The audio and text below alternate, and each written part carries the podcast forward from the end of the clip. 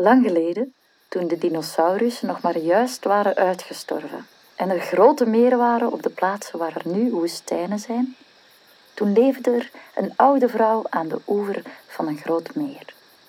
Ze was ontzettend arm en woonde in een zelfgemaakt hutje. Vaak tuurde ze over het meer. Heel haar leven lang had ze verlangd naar het land aan de overkant, waar de kinderen iedere dag dadels en sinaasappelen aten, waar de dames prachtige jurken droegen en waar de heren hun hoeden afnamen voor elkaar.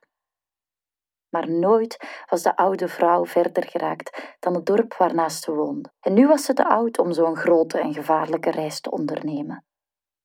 Op een dag had de oude vrouw erg veel pech. Alle planten uit haar groentetuin waren aangevreten door een giftige rups. Er zat niets anders op dan soep te maken met enkel water uit het meer. Kan je je dat inbeelden?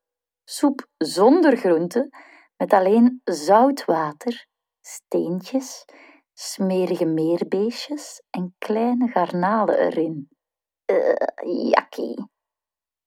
Om de soep toch wat op smaak te brengen, verzamelde de oude vrouw enkele stenen van aan de oever en deed deze in haar pruttelende kookpot. Een hongerige reiziger kwam langs. Wat ben je aan het maken, oud vrouwtje? vroeg hij. Stenen soep, zei de oude vrouw. Dat ken ik niet, zei de reiziger, maar ik eet wel heel graag mee. Wat moet ik je betalen? Niets betalen, zei de oude vrouw, maar vertel me, welke groenten heb jij bij? Linzen en kikkererwten, zei de reiziger en hij gaf ze aan de oude vrouw. Twee dorpelingen kwamen langs. Wat maken jullie? vroegen ze. Stenensoep, zei de oude vrouw. Dat kenden de dorpelingen niet, maar ze wilden heel graag proeven. Ze gingen thuis kip halen en krielaardappeltjes en ook verse kruiden. Safraan, koriander, sesamzaad, komijn en munt. Gelokt door de overheerlijke geur kwamen alle dorpelingen één voor één naar het hutje van de oude vrouw. Allemaal wilden ze proeven. Allemaal voegden ze een ingrediënt toe aan de stenen soep, zodat de kookpot voller en voller raakte. Toen even niemand keek, schepte de oude vrouw vliegensvlug de stenen uit de soep. Die waren toch nergens meer voor nodig. Toen de soep klaar was, schepte de oude vrouw haar enige soepkommetje vol en gaf het door.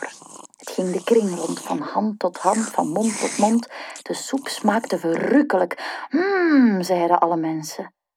Toen alle buiken vol waren, fluisterden de dorpelingen elkaar verboden verhalen toe, van mond tot oor verhalen over spinosaurussen en toverspelen. De avond viel. Iedereen ging met een grote glimlach naar huis. De oude vrouw had nog soep over voor weken en verhalen om tot het einde van haar dagen op te kouwen. Weet je wat ze met de stenen deed? Die plaatste ze op haar schouw, omdat ze zo mooi waren, maar vooral omdat ze haar zoveel plezier hadden bezorgd. De stenen van de oude vrouw vind je hier in de zaal. Als je goed kijkt, zie je ook de oude garnalen en meerbeestjes die tegen de stenen zijn blijven kleven tijdens het koken van de stenensoep.